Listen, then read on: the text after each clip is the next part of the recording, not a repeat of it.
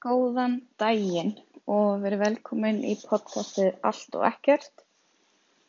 Uh, ég heiti Guðrún og ætla í dag að spjalla við ykkur um íslenska heilbreyðskerfið og svolítið svona uh, mína sín á það sem og mína reynslu. Um, mér langar að benda á það sem er gott við kerfið okkur á Íslandi og sem og setja út á hluti sem ég hef upplifað á eigin skinni sem að mega heldur betur vera í betra lagi í svona góðu samfélagi eins og Íslandi í dag.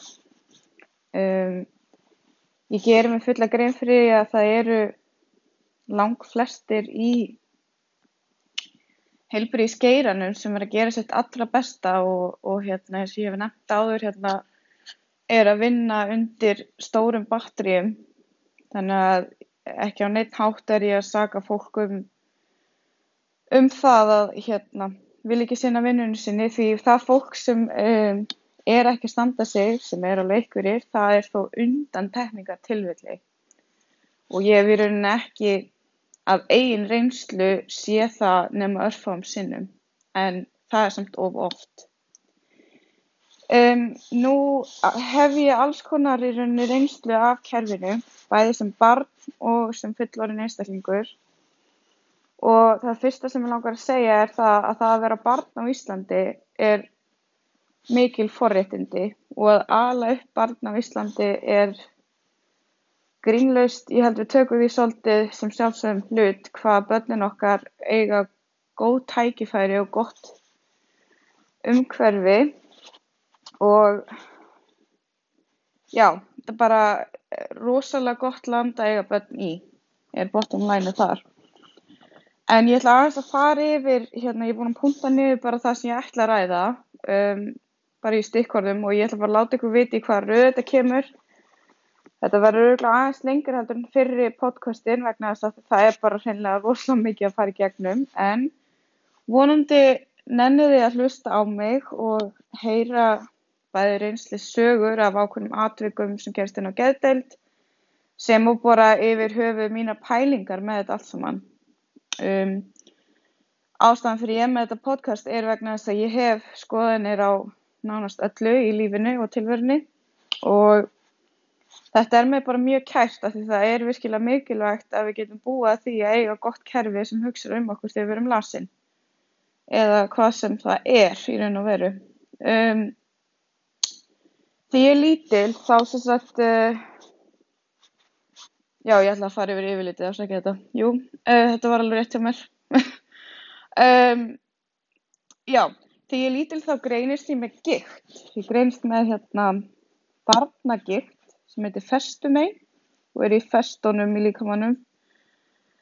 Um, ég greinist, ég veist að ég mani þetta ekki nógu vel en fólkdrar minni tala um að bara þegar ég fer að vera svona 5-6 ára og, og þau eru að lappa með mér í eitthvað lengri tíma, það þarf ekki eins og að vera langur tími, þá kvarta ég alltaf undan verk í illjónum og þau fyrst bara svona, já, já, hún er bara löt, þetta er bara eitthvað, þú veist, þetta er eitthvað svo leiðis, en það er síðan greining sem kemur í kjölfarið og ég ætla að fara inn á þetta eftir.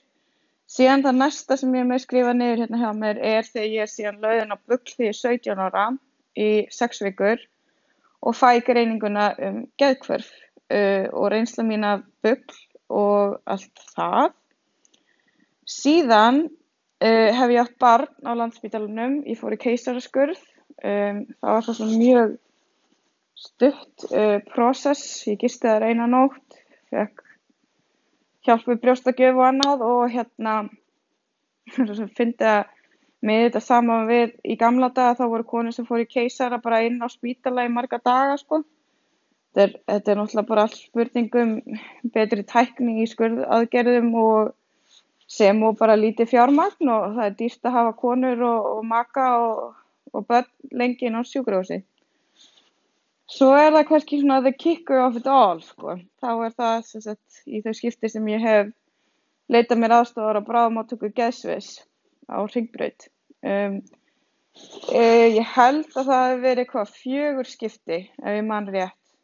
Um, að Fyrsta skipti var árið 2016, þremur mánuðum eftir að sonur minn kom í heiminn en ég datt í mikla lægð uh, í kjölfarfæðingu hans sem er svo sem bara algengt fyrir hvert sem er að geta alla konu fengið fæðingaþungliti en þetta var miklu frekar tengt mínum uh, veikindum sem ég hafði í rauninni í grunninn. Uh, þessar innlagnir voru ólíkar og stundum nöðsynlegar, stundum ekki gerðu ímest gott eða ekki. Um, loksins uh, er ég síðan að díla við það þegar ég er búin að fara sagt, í magaermi, magamingun, uh, vegna þess að ég eins og ég hef komið inn og held ég bætti á mig óbúslega mikið af kílóum uh, í kjálfara allra livjana sem ég sett á, geðlivjana og rosalega háum sköndum og bara persónulegum slæmum ákvarðunum hvað var það mataval og lífstíl vegna þess að ég var bara þunglind og upp í rúmi og borðaði pítsu og nammi og gós og gerði ekkert annað. Og þá eðlilega fitna líka minn og ég ákveði að, að hérna, ég sé búin að reyna nóg að fara okkur á kúra og hörbalæf og búin að ná að mér einhverjum 20 kílum rétt á hann ég verið ólétt sem er auðvitað ástæðan fyrir ég náða að verða ólétt um, en já, þetta, svona, þessi ákvörðun er bara, já, svo besta sem ég hef tekið fyrir mína heilsu og mína framtíð. Ég veit að ég væri ekki á sama stað og ég er í dag, hefði ég ekki létt á líkamann mínum. Uh, ég væri ekki enga þjálfari, ég væri ekki jafn aktív, ég væri ekki jafn góð mamma, ég væri ekki jafn góð kærasta, dóttir. Ég bara reynilega, þetta hefur gert rosalega mikið fyrir mig og þá er ég engan veginn að tala um, skiljið, uh, svona útlýtslegu hliðina, jújú það er alveg gaman að vera ánæður með sjálfansitt og maður lítur í speilinu þetta snýst og hefur aldrei snúist um það fyrir mér þótt að það sé í raun og veru rosa gaman sko. Um, en í kjölfar þessar aðgerðast þá fæ ég sem sagt, uh, þá fæ ég sem sagt í rauninni svolítið óheilbritt samband við mat vegna þess að mægin hann minkar svo rosalega mikið að maður næri ekki að borða neitt að viti í fyrstu mánuðin eftir á og er fyrst að fljótandi fæði og þetta er bara, þetta er bara rosalega andlega erfitt og ég fæ eitthvað svona komplex sko að því að ég hef ég, eh, alltaf frá því ég mann eftir mér fundist ég vera alltaf feit og horti speil og klifur að klýpa í eitthvað spik sem var ekki til staðar þegar ég var lítið stelpa og miða við sama við vinkonur og, og, og bara stjörnur og bara, bara þetta típiska skilji, bara ekki alls ekki jákvæði líkams ímynd í mér sem einstakling sko í gegnum tíðina. Og þetta þróast þannig að, að hérna, ég fer að kasta upp eftir máltíðir. Ég eiginlega held að það hafi verið vegna aðgerðinar að því ég hafði ekki verið að gera þetta áður en það var orðið þannig að ég var ekki að framkalla uppkastin en þau bara gerðust. Það var eins og líka með minn uh, afneitaði því að borða vegna þess að ég var svo hrættum að fitna og ég var svo hrættum að sprengja maða minni, ég var svo hrættum að klúðra öllu sem ég var búin að fjárfesta í og vinna í. Þannig að fyrst þegar ég var að grennast þá var það mjög óheilbrið að máta og ég var svolítið bara svona að halda mig gangandi á nokku og kaffi og bara borðaði lítið sem ekkert. Fer þá í meðferð á hvítabandinu þannig að það er annar punktur sem við langar að fara inn á.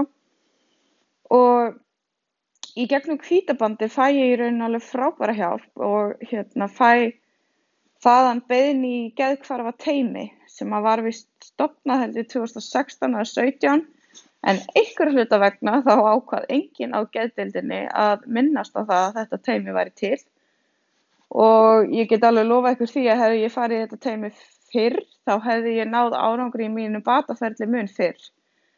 En ég hef svolítið komist að því í tíðina að það þýðir ekki að vera svekkja sig á því sem hefði geta farið öðruvísi og er þakklátt fyrir að ég fekk þessa ingöngu í þetta teimi 2017. Var ekki 2017? Jú, ég held það, eða 18, ég maður ekki.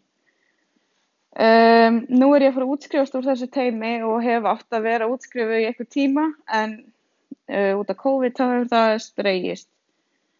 Um, síðan gerst það náttúrulega að ég er búin að tala um kæfisvepp.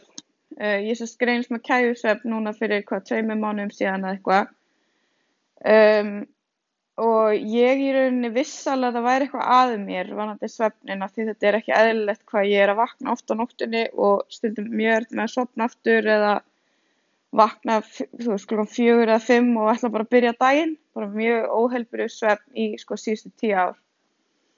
Hins vegar í hvert einsta skipti sem að ég talaði um þessi mál eh, hvort það var við heimilisleikni eða geðkvarfateymið eða bugl eða, eða ringbraut eða það skiptir ekki máli það var alltaf sagt bara já þetta er bara út af geðkvörunum, þetta er útrúlega algengt og allt svoleiðis. En vegna geðkvöruna þá er mjög hættilegt að fara í gegnum löng tíumbil þar sem maður sefur nánast ekki neitt vegna þess að þá tryggirar það sagt, uppsveiflu sem er mjög hættilegt ástand og ég ætla að vera alveg hreinskilin að að þunglindi er, er eh, virkilega óhugnalegt og hættulegt og, og bara lífshættulegt og margir falla fyrir hendi tunglindis í raun. Um, en þetta ástand sko nei, ég get ekki einu svona útskýrta hvað þetta er í rauninu skjálfilegt af því að maður dettur alveg úr sambandi við sjálfan sig og segir hluti sem maður myndi annars aldrei segja og gerir fáránlega hluti kannski fer á bakvið fólk og lígur sig í ringi og sannfæri sjálfa sig um að mann man líði svo vel og allt sé svo frábært og svo allt í einu krassar bara veröldin og maður vaknar upp og maður hugsa bara hvað í anskotanum er ég búin að gera veist, og skömmin sem þessu, þessum tímabölum sem hefur fyllt í gegn tíðan eða mér nú er komin einhver ár síðan að þetta gerist síðast en þetta er þetta er svo erfitt að díla við að því yfirleitt eftir svona uppsöflu kemur slæm niðursveifla í kjölfarið. Og það er bara ákveð sem líf getur gert en þegar svefnin er ekki inni þá er hættan bara mjög mikil á að þetta, þetta sveiflu minnstur haldi áfram. Og sé ég fram á í rauninni miklu betri bata núna þú veist vegna þess að svefnin er að skána með þessari svefnvél sem ég er með. Um Mig langar síðan bara að koma eins inn á í lokin bara pælingar varðandi kerfið, um, bara þess að baráttu við kerfið og, og mína reynslu. Uh, ég ætla að segja ykkur frá átöki sem gerðist inn á geðdelt og, og ég tel að hafa verið mikil vandraksla þar inni og er eflust enn. Uh, hvort sem það er vegna óhefra starfsmanna eða ófaglæðra manna þarna á nóttunni eða eða hérna bara hreinlega ekki nægilegs fjármagns frá spítalanum og frá kerfinu, þú veist, í rauninni frá ríkistjórninni og, og öllu því því þetta er jú ríkisrikið og mér finnst einhvern veginn eins og við ætlum bara að hafa hlutina í sama farinu þanga til, já veist að ég, ég eiginlega skilða ekki vegna þess að það eru margi búin að, það eru fleirin einn og fleirin tveir búin að falla fyrir einn hendi inn á spítala inn á bráðamóttöku geðsvís þar sem á að fylgjast með fólki og þar sem fólk um, treystir því að ástvinnir séu öryggir og í handum fagmanna. En þetta er bara sorglegur veruleiki á Íslandi og þetta er svo ótrúlega bara hræðilegt og eitthvað sem að maður eiginlega bara trúir ekki og ég skil vel að þetta hafi gerst vegna þess að Ég hef lent í því að koma þarna inn og það var ekki leitað í töskunni minni, ég hefði getið að vera með vopn, ég hefði getið að vera með kveikjara, hníf, whatever skiljið, þú veist ekki það ég myndi gera en ég bara segja að þú veist að öryggið er ekki eins og til staðar og það er það sem maður sækist í að því maður er hrættið við að taka sér þetta í líf eða fjölskylda mann sem hrættir mann og, og sendir mann þarna til þess að geta fengið smá breyk og, og treyst því að að nú verður unni í manns málum en, en síðan getur það gerst að fólk er komið á endastuð og sér tækifæri og bara tekur ákvarðin og þetta er eitthvað sem að hú, er með svo mikið hjartansmála ég fæ bara hraðan púls á að hugsa, hugsa um þetta. Um, já, ég ætla bara að byrja þá frá byrju núna. Svo að uh, greinist með þetta fastum einn ég held ég sé svona sjö eða átta ára. Um, það var held ég fóreldrum mínum alveg virkilega svona fyrsta áfalli þegar kemur að minni heilsu. Og þetta var frekar slæmt vegna þess að ég var náttúrulega bara krakki og bara barn og þegar þetta var slæmt, þegar ég var að fá svona köst, svona giktarköst, þá var ég á hækjum eða jafnvel í hjólastól. Ég held ég að við þrjusar þurfti að vera á tímabili í nokkra marga vikur í hjólastól sem leiti til þess að ég þurfti að hætta í íþróttum, ég þurfti að, þú veist, og það vissi enginn hvort þetta myndi hætta, hvort þetta myndi halda áfram út lífið mitt eða hvort þetta væri bara tengt því að þetta væri barnagikt og sem betur fer bara rétt fyrir táningsaldurinn þá hættir þetta og hefur ekki bakað mig síðan. Bara, já, þakka Guði eða hverjum sem er sem stjórnast því fyrir það. Um, uh, á barnaspítalunum var tekið mjög vel á móti mér og foreldrum mínum og mikil eftirfylgni og það voru fundir með læknum þar sem þeir furðuðu sig á þessum einkennum og loksins fundu út hvað, voru, hvað var að mér. Þegar ég gæti verið uh, inn á milli alveg frísk uh, í einhvern x tíma þar sem ég fann ekki neitt og leið vel. En síðan kom tímabil þar sem að ég þurfti bara að vera á íbúfenn mikstúri bara til þess að komast í gegnum dagana því mér var svo opaslega ílt í, í illjónum. Þannig að það að stígi fætunar var bara ekki option af því að það var það sárir verkirnir í illjónum. Síðan getur þetta komið sko í hendurnar, í rauninni í lóana. Um, Eh, ég, ég man ekki hvort það gerðist, ég hugsa það nú en það var ekki jafn sásökafullt af því eðla þá er maður ekki að stíga í lóana eðskili, það, það var ekki, ég man ekki eftir þannig vandamáli og eins ég fekk þetta aldrei í baki eða slíkt sko en, en þetta var nú nógu slæmt eins og þetta var. En það, það tímabil kom og fór sem betur fyrr en síðan náttúrulega eins og ég saði ykkur söguna á því þegar ég greinist með geðkvörfinn Uh, þá er ég lögð inn á barnaspítalan aftur, sem sagt á Bögl, sem er uh, staðsett í lögadalunum. Mér fannst alltaf svolítið svona áhugavert sko, þetta umhverfi, vegna þess að þetta er bara svona inn í svona fjölskylduvænu, fjölskylduvænu umhverfi þarna í lögadalunum bara, fullt af gróðri í kring og þetta lítið svolítið út eins og elli heimili eða sambíli eða utan sko og ég var svo ógeðslega hrædd um að hérna, þegar ég áttaði mig á því að væri að fara að leggja mig inn og ég var í raun í mani því ég lögði inn og, og krassa niður og, og byggði um hjálp uh, að lókum og var þá búin að blekja sálfræðing á selfossi og segja að væri allt í lægi með mig. Og það er þetta sem er svo skeri við þetta.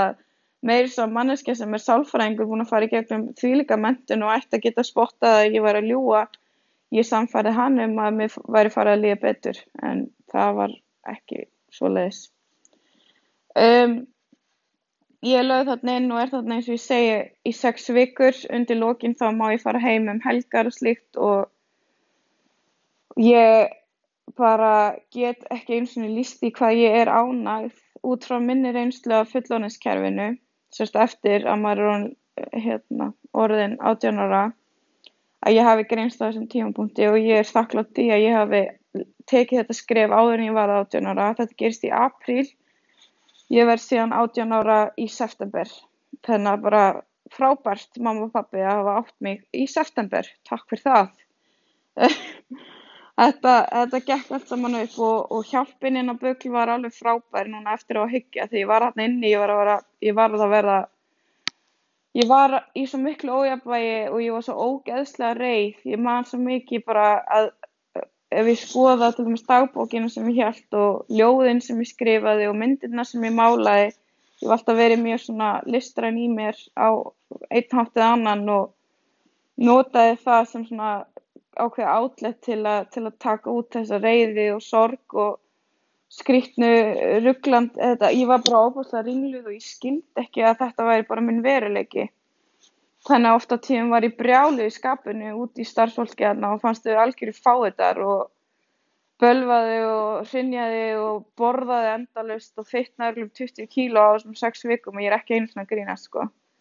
Ég man eftir að sýsti mín kom, hún var í líðháskóla í Danmörku og við erum að tala um það að ég var í heimsóttjáni í februar, þetta gerist í, ég var í heimsóttjáni sérst út í Danmörku í februar og var það bara í fínu formi og bara voða hress og mikið djam og drikja og hjá okkur og rosa gaman um, en síðan bara þú veist sínur í veröldin og ég fer þarna inn og hún kemur að heimsækja mig og ég man bara, ég gleymi ekki þegar hún horfði á mig af því að ég held hún hafi hugsað bara, byrju, er þetta sýsti mín? Þannig var ég búin að raka mér hárið af því ég fekk þá hugdettu í manni og ég ætti að raka mér hárið veist, talað um Britney Spears moment sko, er að, veist, hvað, hvað er að frétta? Það er þetta líka sem skapaði svo mikið, veist, umtal á selfossi og mér finnst allir vera að horfa á mig og allir þú veist, og það er líka ákveðin paranoia sem ég þurfti að díla við í mörg ár.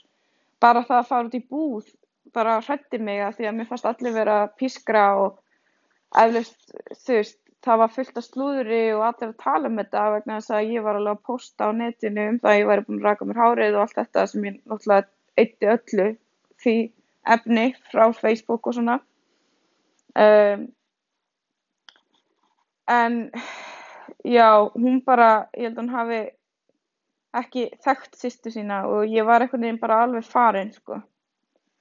Um, það sem tekur við síðan bara bataferli í kjölfar þess en rosalega mikið livja nótkunni sem ég sagt ykkur en bottom lineið er það að BUGL er frábær stofnun, uh, frábær spítali þar sem að fólk er gott utanumhald og, og það er haldið utanum fjölskyldur og það var, það var prestur sem talaði við mamma og pappa og sýstu mína og mig og það er virkilega gott starf þarna en hins vegar veit ég að það er rosalega mikið af börnum sem þurfa hjálp og það fá ekki næri því allir yngöngu þarna inn. Um, ég er síðan eignast barn 2016 í januar uh, með þávarandi manni mínum uh, það er bara góð reynsla af heilbrigðiskerfinu hvað var að það eins og ég farið inn á það að eiga barn og ganga með barn og, og alveg barn á Íslandi eru forréttindi og það er bara eitthvað sem ég held við þurfum svolítið að minna okkur á hvað við búum í samfélagi sem er tekið utanum okkur og okkur að nánast kostnaða lausu og, og hjálpa okkur gegnum þetta ferli að, að hérna, koma barn í heiminn og ganga með barn. Þannig að ég hef ekkert, uh, ekkert lótt að segja um það. Og eftirfylgdin þegar maður er komin heim, ljósmaðurnar sem að ljósmóðurinn sem kom hinga að hjálpa mér þegar ég var að vandrast í brjóstakjöf með allt of stór brjóst, ég held að fyrir frekar brjóstgóð if you will og það er bara mjög erfitt að gefa brjóst, það er bara ekki margir sem tala um það en það er bara virkilega andlega og líkamlega virkilega erfitt og sérstaklega þegar maður er að jafnast eftir keisaraskur það er bara, það er í alveg ekkert grín. Og ég hvet bara allar konur til þess að leita sér aðstofar ef, ef þið langar að gefa brjóst að finna leiðir, ég var til dæmis mikið að pumpa mig og gefa brjóst bara, þú veist þegar ég gat en það var ekkert mikið á því. Ég var meira að pumpa mig og gaf brjóst inn á milli ef ég tristi mig til þess. En fæðingaþunglindi síðan þurkaði mjólkin á endanum frá mér. Uh, að því líka mann átt að segja því að, að kona sem er um, í það uh, neikvæði svona headspace að hún á ekki að vera fæða bann með mjölkinu sinni. Þannig að endanum fór Mikael á formúlu sem er bara allt í góðu lægi og hann er sterkur og heilbriður strákur í dag. Þannig að það er svo sem ekkert á því. Ég gerði þetta alveg lengi og ég mögulega gatt um, Já, síðan er það þarna, ég fer í þessa magaermi eins og ég nefndi og það er ekki, það er enga reiki dæmi sem, sem ég ger það líkin á um, sjúgrásin í Keflæk, ég skorin þar upp og, og hérna, mjög, mjög þægileg vera þar og allt í fína lagi þar. Er síðan síkingu í kjölfarið í magaveggin bara þú veist af því ég er óhefnasta manneski sem til er og ég greinlega keisarskurðin er eina svona sem ég fari í gegnum það sem hefur ekki verið einhver, einhver eftirkvöst af því. En allt í góðu lægi tæklaði það og, og læknin sem framkomdi aðgerðina flög frá Akureyri til þess að fylgja því eftir að ég fengi svör af því það er eða mjög alvarlegt þegar ekki vita hvað er að og maður er nýbúin í svona risastóri aðgerð og svona miklu yngripi um, og hann sem sagt uh, kemur nýra bráðmáttöku því ég ligg þar í kvíðakasti með þávarandi manni mínum og, og hérna við vitum ekki hvort að mæin er sprungin eða hvort að það sé komin innvortist blæðing eða hvað sé að gerast. Því ég er alltaf inn að koma með hýta en ég fær síðan að liggja þarna á bráðamóttökunni yfir, ég manni hvort það er eina eða tvær nætur með, með ákveðin sterkan kokteil í æð, síklarlif þess að og fær síðan bara með mig töflur heim og þetta lagast og, og verður allt í góðu lagi á vandanum. Um, já, það sagt gerist síðan í kjölfari eins og ég sagði á þann að ég fæ óheilbrygt samband við mat og, og fer í ádraskuna meðferð hjá, hjá hérna kvítabandinu en ég tel, eins og ég segi, að þetta hafi triggerað gamlar tilfinningar til sjálfsmýns og, og ég hafi í rauninni þróað með mér þess, þessar röskun á, á, á matarhægðun vegna þessar aðgerðar. Eins mikið ég þakklátt fyrir aðgerðina þá var þetta alveg hryllilega erfitt tímabil. Og ég fekk eftir sjá þrátturir, þú veist, að vita að ég hefði tekið rétt ákverðun eða ég held að ég trúði því um, þá, þá samt sem aður var eftir sjáandi staðar og ég skildi ekki okkur, ég gæti ekki látið honum í mat og haldið honum niðri. Ég fekk alveg gífurlega góða aðstóð á kvítabandinu og er þeim æfinlega þakklátt. Konundar sem vinna hana eru bara, bara gull af manni, bara þær eru svo frábærar vilja svo mikið hjálpa ungum konum og, og kallmönnum eflust líka að, að komast á betri stað varandi líkams ímynd og, og, og þessa ádröskunar hegðun. Uh, en ég, ég var á svona dagdeild þar sem ég tók strætó og var bara full time þarna á daginn. Frá 8 til 3 eitthvað og hérna í alls konar með námskeiðum og meðferðum og slíkt. Og undir lokin þá var þetta orðið svolítið mikið álæg að vera að fara um há vetur og taka strætu á hverju minnsta degi fram og tilbaka klukkutími senn ef ekki rúmlega það því þetta var náttúrulega niður í bæ. Þannig að þetta var kannski tvekja hálfstíma ferðalag ef ekki meira á hverju minnsta degi og á þessu tímapunkti var ég ekki búin að vera í vinnu þannig ég var ekki vunni að vera í svona rosalega strangur í rútínu og reyna að æfa á sama tíma og fara í vektina og eitthvað og um, það gerist þess að, að ég fer í mikla lægð í lók meðferðunar. Ég held að meðferðun hafi verið þrýr eða fjóri mánuður, neða alltaf ekki verið þrýr. Um, og það er byrjað að sjá að ég, ég á erð með að koma í meðferðina og ég er þunga á mér og allt í hennu breytist ég bara og tek ekki þátt í umræðu með neitt. Um, og hérna, svo gerist svolítið sem að já um, ég sem sagt næ því gegn að fá endur nýjan livsseil af svepptöflum og þarna á ég lítið barn en þunglindi spyr ekki um aðstæður eða barnignir eða neitt. Ég trúi því bara að þarna væri komin endastöð og, og hérna fer og leysi út þarna. Sem betur fer þá gáðum við bara minnsta skamtinn af þessum lyfjum. Og tek heilan pakka um, neyri bæ á skólaverðstíknum, ég man hann þarfti því tek töflunar lappandi upp að kvítabandinu og kem síðan inn gerir mér alveg grein fyrir að sé eitthvað hræðilegt að fara að gerast ég vissi samt ekki að ég vissi í raun ekki neitt hvað ég var að gera, skiljið. Ég bara, þú veist, vildi deyða hennar sásauka og hvort sem ég myndi falla frá eða ekki, mér var alveg sama. Um, en allt í henni verði bara alveg ringluð og byrja að detta út og auðmingar stelpunna sem voru þarna. Ég bara, oh, ég finnst það til með þeim. Þær fóru alveg í uppnáðum náttúrulega sjálf, var ekki velstattar andlega og horfi upp á mannesku. Erum búin að overdósa á söfliðum. Mm ég er þá flutt inn á spítala getild um, og það þurfti ekki að dæla upp úr mér en eitt svoleiðis en það var fylltist eftir og sett mér hjarta, hjartarínu lit og svoleiðis en ég man ekki mikið eftir og setur allt bara í móðu því að ég bara gössanlega datt út. Um, en það er bara ein af sagt, ein af allt og mörgum ferðum á þennan spítala. En eins og ég nefndi áðan þá þremur mánuðum eftir uh, því, eftir að ég átti svon minn þá er ég löðinn uh, ég var búin að koma einu sinni uh, upp á geðdelt og, og lýsi yfir því að ég væri með sjálfsvíkshugsanir og ég væri sætt og ég væri með lítið barn og ég var með með barni með mér En það var ekki nóg, ég fekk ekki innlögn. Neyðin var greinilega fyrir þeim séð ekki til staðar þá.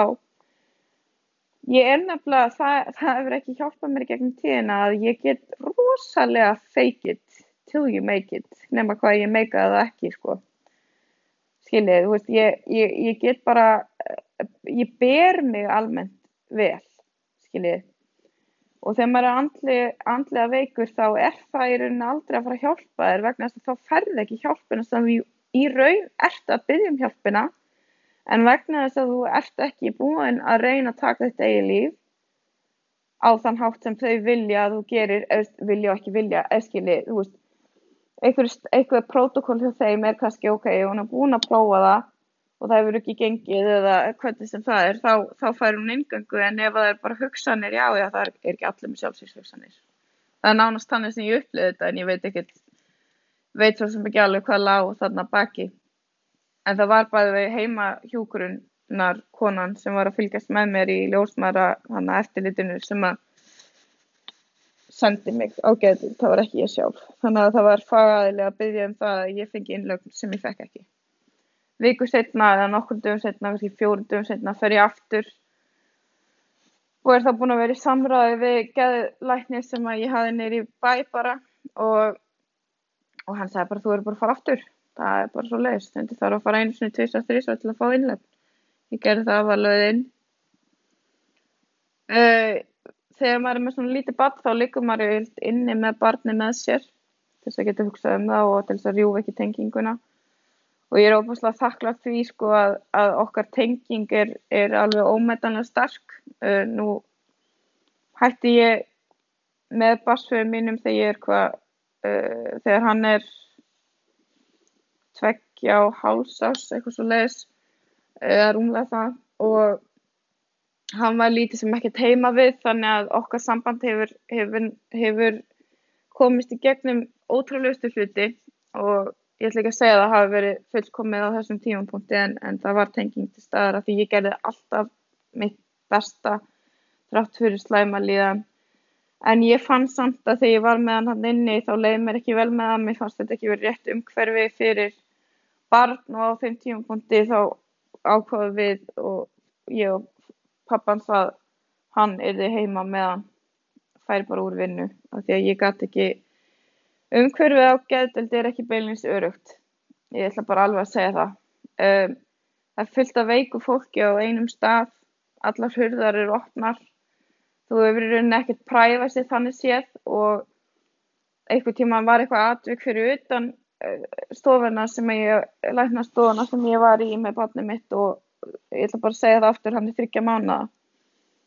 Lítið brothætt barn og það var einhver maður sem var eitthvað reyður og, og, og kýldi í vegg og var með læti og öskraði þá fór ég bara að skæla sjálf og, og sagði, sagði bara ég vildi ekki hafa barnið hjá mér og það snýrst ekki um það að ég vildi ekki með barnið veist, vildi ekki með barnið hafa og ég held að það var allir sé það að mér leiði bara ekki vel með að hafa hann í þessu umhverfi.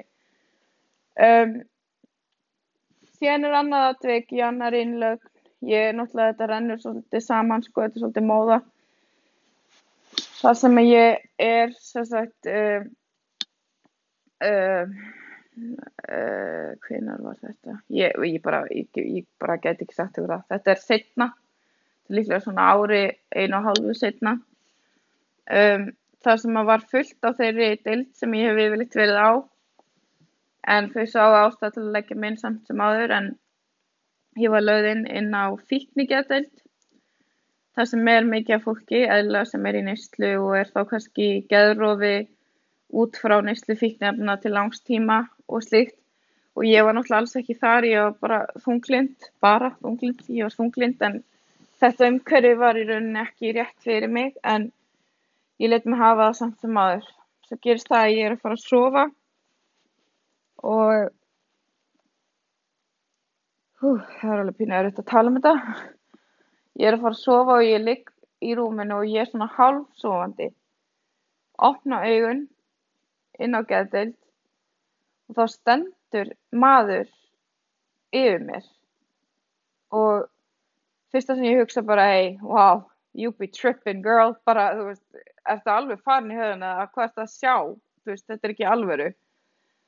Nefna það þá byrjar hann að drulla yfir mig og ég bara tala eitthvað bull, þú veist, ég man til dæmis, ég var náttúrulega skítrætt í fyrsta lagi, ég, ég held hann að ráðast á mig að því hann var óbúslega aggressífur og hann var að segja hluti eins og, þú veist, sem ekki fokkin drusla, ógeðið, akkur er þetta alltaf að halda fram hjá og sofa hjá svona mörgum og eitthvað bara algjör kæftað, ég bara fyrir ekki að viltu fara út, viltu gjöra svo vel, viltu fara út af herbygginu mínu núna, farðu út, farðu út, farðu út, þú veist, ég var skítræð náttúrulega og ég var að reyna að vera kurteist þess að hann myndi ekki bara lemja mig, að því hann var með hendin uppi, skiljiði, ég er ekki íkja, hann ætlaði í mig og ég byrja að öskra og það kemur engin inn, samt er ofin hurðin og vaktin er, ég er ekki grínast svona 20, nei, 15 metra frá stofunni minni, vakt hann að búri þar sem þau eru öll.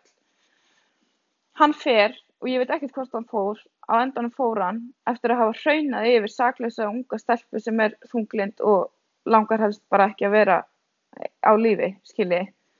Og ok, ég fer fram og ég segi bara fyrirgefi, er þið ekkert að fylgjast með? Það kom hérna maður inn til mín að ógna mér og tala niður til mín og tala ógeðslega til mín. Getið þið vinsamlegast passa að hann kom ekki eftir inn? Þau alveg, já, já, já, sorry, sorry maður, sorry. Voru búin að vera í tölvunni. Í tölvunni. Að hlæja eitthvað myndböndum. Ég hugsaði með mér, ok, núna er þetta bara allt í góði. Þau ætla, þau ætla að passa mig. Þau, það er þeirra verkefni. Það, það er bókstaflega það sem þau eiga að gera, skiljiði. Sorry hvað ég verið reyð, þetta er bara svo fáralegt svo gerist það að hérna, ég fer aftur inn og ég náttúrulega á með að sofna, er ekki sofandi og hann kemur aftur inn og það byrja bara aftur á sama nema hann er bara ennþá æstari og með hendina á lofti. Og ég er sko næstu í farin að þú veist, bera henduna fyrir höfuð á mér þannig að ef hann myndi lemja mig þá fær það ekki höfuð á mér skiljiði Hefur, ég, þetta er ekki, ég, bara, ég er alveg dramatísk en þetta er ekki, ég myndi aldrei djóka með neitt svona. Og eða íkja eða neitt, þetta var svo virkilega hræðilegt og þetta fer ég aftur fram. Og, og bara ég öskra á þau, ég segi bara hvað er að ykkur, ég baði ykkur um að passa mig, getið þið please hjálpa mér, getið þið læst herberginu mínu? Eða getið þið, ég veit alveg þau megu örglegt læsa herberginu en ennið bara að vera fyrir utan hurðina Nei, þetta gerist einu sinni enn. Þetta gerist einu sinni enn.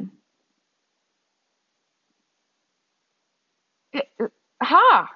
Þú veist, inn á landsbítalanum. Hann kemur aftur inn. Endur tekur sömu hlutina aftur. Svo betur fyrir leggur ekki handa á mig en ég fyrir fram hjá hann, hleyp fram á gangin og ég segi öskrandi, hástöðum Nennið þið að sinna starfinu ykkar og passa upp á öryggi mitt? Og ég hrauna yfir starfsmennina og ég er ekki manneska sem gerir það ástæðuleysi en ég var hrætt, ég var ándjóks hrætt um líf mitt, eða skilji, ég var bara hrætt um öryggi mitt. Þessi maður var örglega í geðrófi og hann hefði alveg getað meitt mig og þetta meitti mig nógu mikið andlega, þetta atvik hafði svo slæm áhrif á mig og ég fór út á geðdeild þegar ég var útskrifið daginn eftir þetta, by the way, var ég útskrifið. Þá, sem sagt, uh, leið mér verð. Mér leið verð. Þannig ég leita mér hjálpar í þeirri trúum að mér muni líða betur og ég verði örug, kem út og efast í rauninni bara um allt. Efast um það, veitu, er ég að gera eitthvað vittlust á, á ég ekki að á ég ekki að fara niður á bráðamáttöku þegar ég er tæp? Þegar ég er á barmi sjálfsvíks hvað á ég að gera, hvað vil, hvað vil fólk að ég geri? Veist, ég bara ég, ég get ekki svona oh. bara þessi vannræksla sem ástu staði í þessu atveki og í fleiri atvekum hjá fólki eins og þetta að vera ekki að leita í fórum fólks. Það var stelpa inni með kveikjara að reyna að skaða sjálfa sig einu sinni og ég tilkynnti það. skiljiði mig, þetta, þetta er ég er ekki, þú veist, ég er ekki að, að bulla, ég, ég er að segja sannleikan og mér finnst þetta bara svo, þetta bara, þetta er bara svo erfitt að, að vanrækslan skuli vera svona á höndum starfsfólksins, þetta ákveðna kvöld sérstaklega og ég fann þá eigin skinni að það eru sumur að vinna þarna sem að halda að þeir séu ekki að passa upp á fólk sem er í lífshættu. Það er í fyrsta legi lífshættu af höndum sjálfsins. Þú veist, ok, það er engar, ekkert styrstuhengi svo við getum ekki hengt okkur, en það er samt fullt af veiku fólki á sama punkti og ofbeldismenn, þú veist, maður veit ekkert og það er ekki einu svona passa upp á að maður sé örugur. Þetta náttúrulega bara er ekki hægt. Og svo ofan á það í kjölfarið en þessi sama ár sem að mann ekki hvað voru mörg sjálfsvíð bara mjög stuttum tíma inn að geta let that sink in af hverju er það að gerast? Af hverju? Af hverju er fólk ekki að labba þarna á mínútu fresti ef þess sé þörf af hverju er fólk ekki að fylgjast með öllum eigum fólks, af hverju er fólk ekki að passa upp á þessa berskjöldu einstaklingar sem eru veikir, sem þurfa aðstóð og hjálp og stuðning. Af hverju?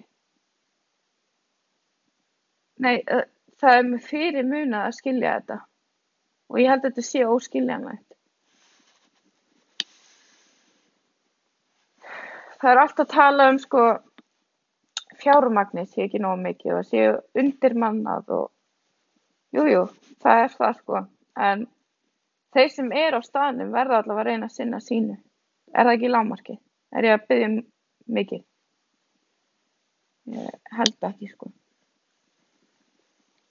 En það er einhvern veginn svolítið þemað í þessu öllu sama fyrir utan þegar ég var bann þessi barátta við kerfið maður er að berjast við sjúkdóma en maður er ekki bara að berjast við sjúkdóma, maður er líka að berjast við það að fá aðstóð.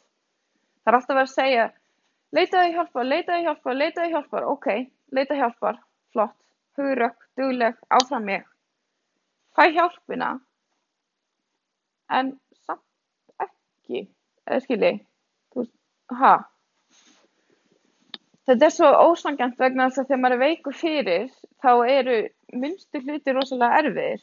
Fara í sturtu, standa upp á rúminu, borða, uh, veist, allar þessar grunnþarfir fara út um gluggan og maður hefur hugrekki og kraft til þess að leita sér hjálpar en er samt að ströggla við það.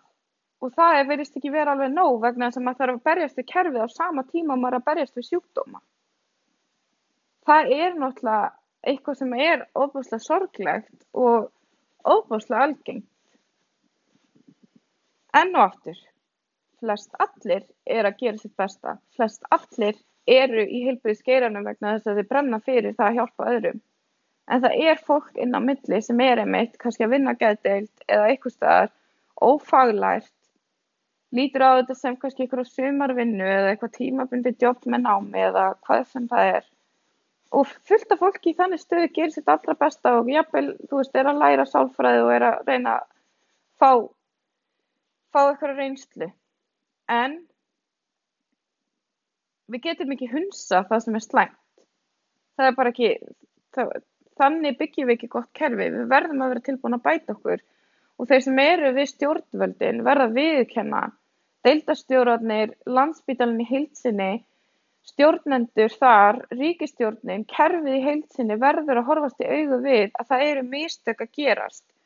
Og mistök gerast, jú, en við eigum að læra af þeim og gera betur.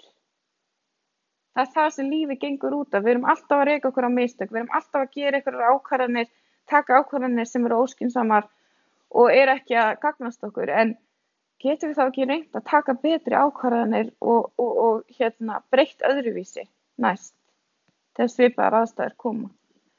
Nú hef ég ekki verið lögð þarna inn í að vera þrjú ár. Ég veit ekki hvernig ástandið er og þetta er algjörlega mín reynsla og mín saga, mitt sjónarhorn.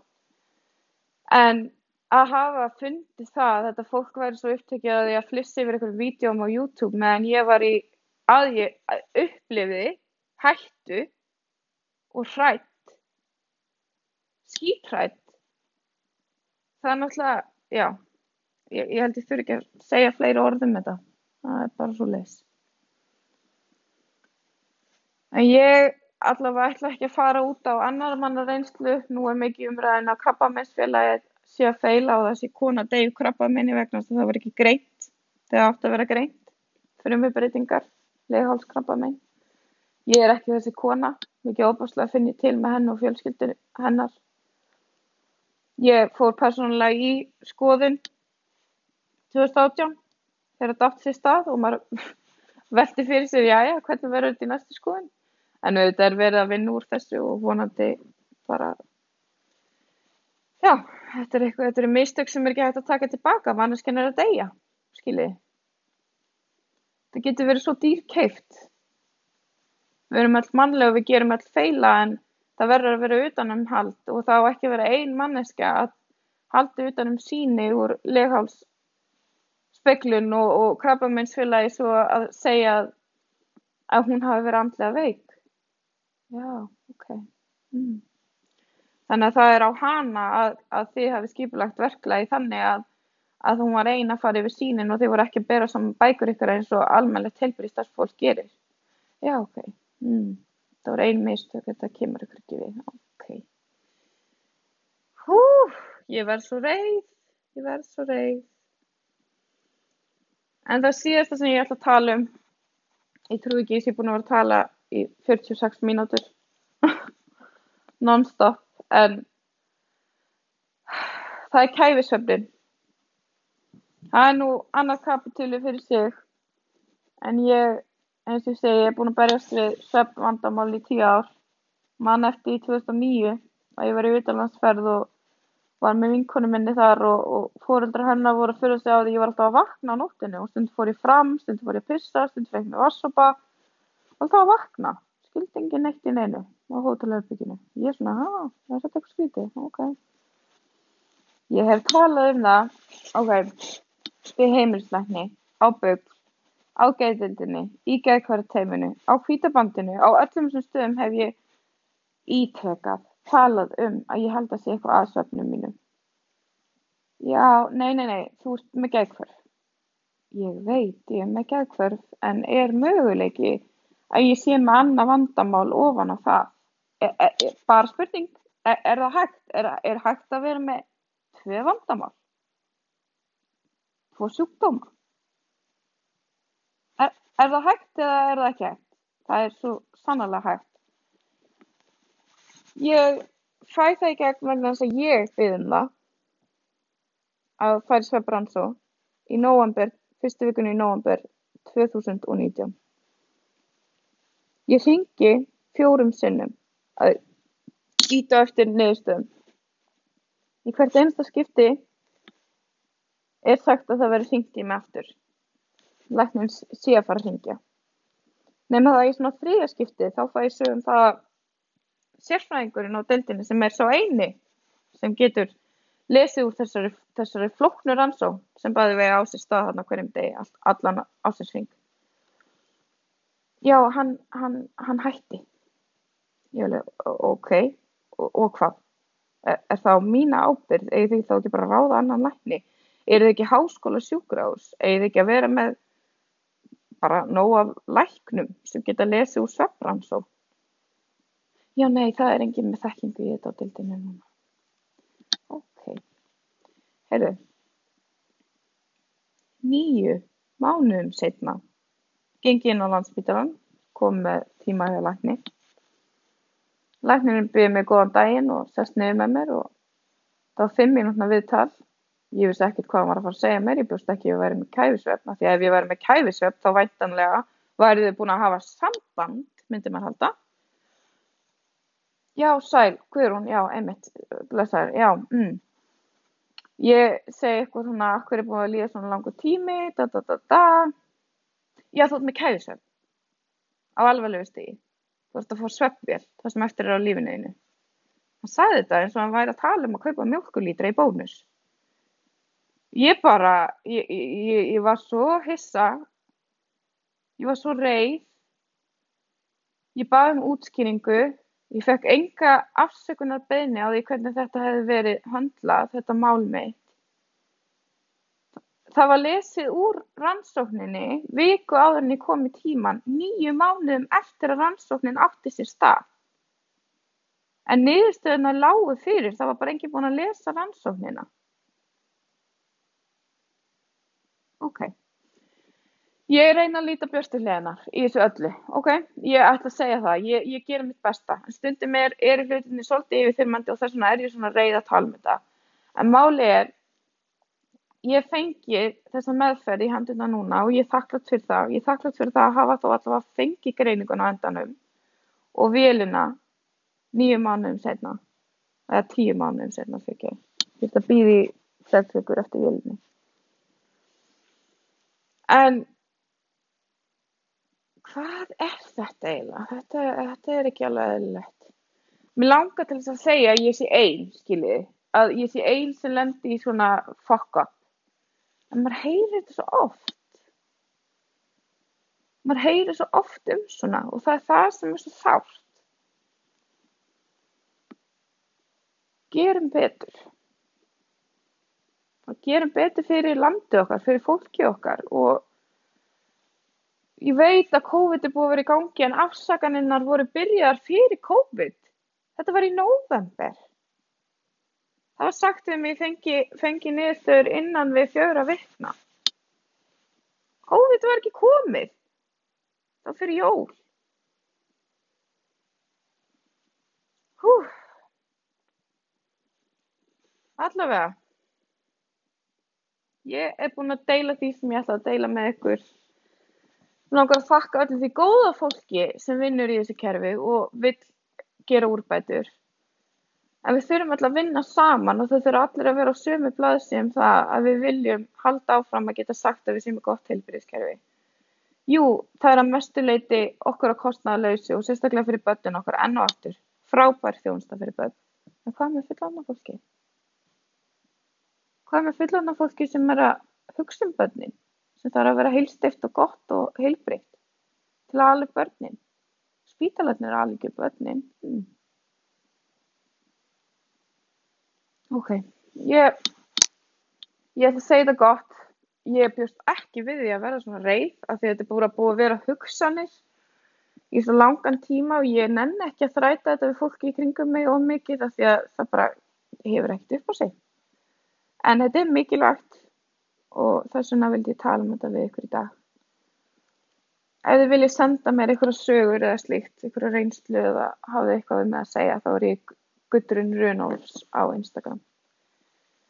Bara eigið frábæra viku og mér þykir leðilegt ef ég hafi dreyið ykkur niður með mér hérna á mánudegi. En við lítum á björstu hliðnar og vonandi læri við af þessu öll saman. Bara, já, hafið það gott og við heyrumst þegar við heyrumst næst.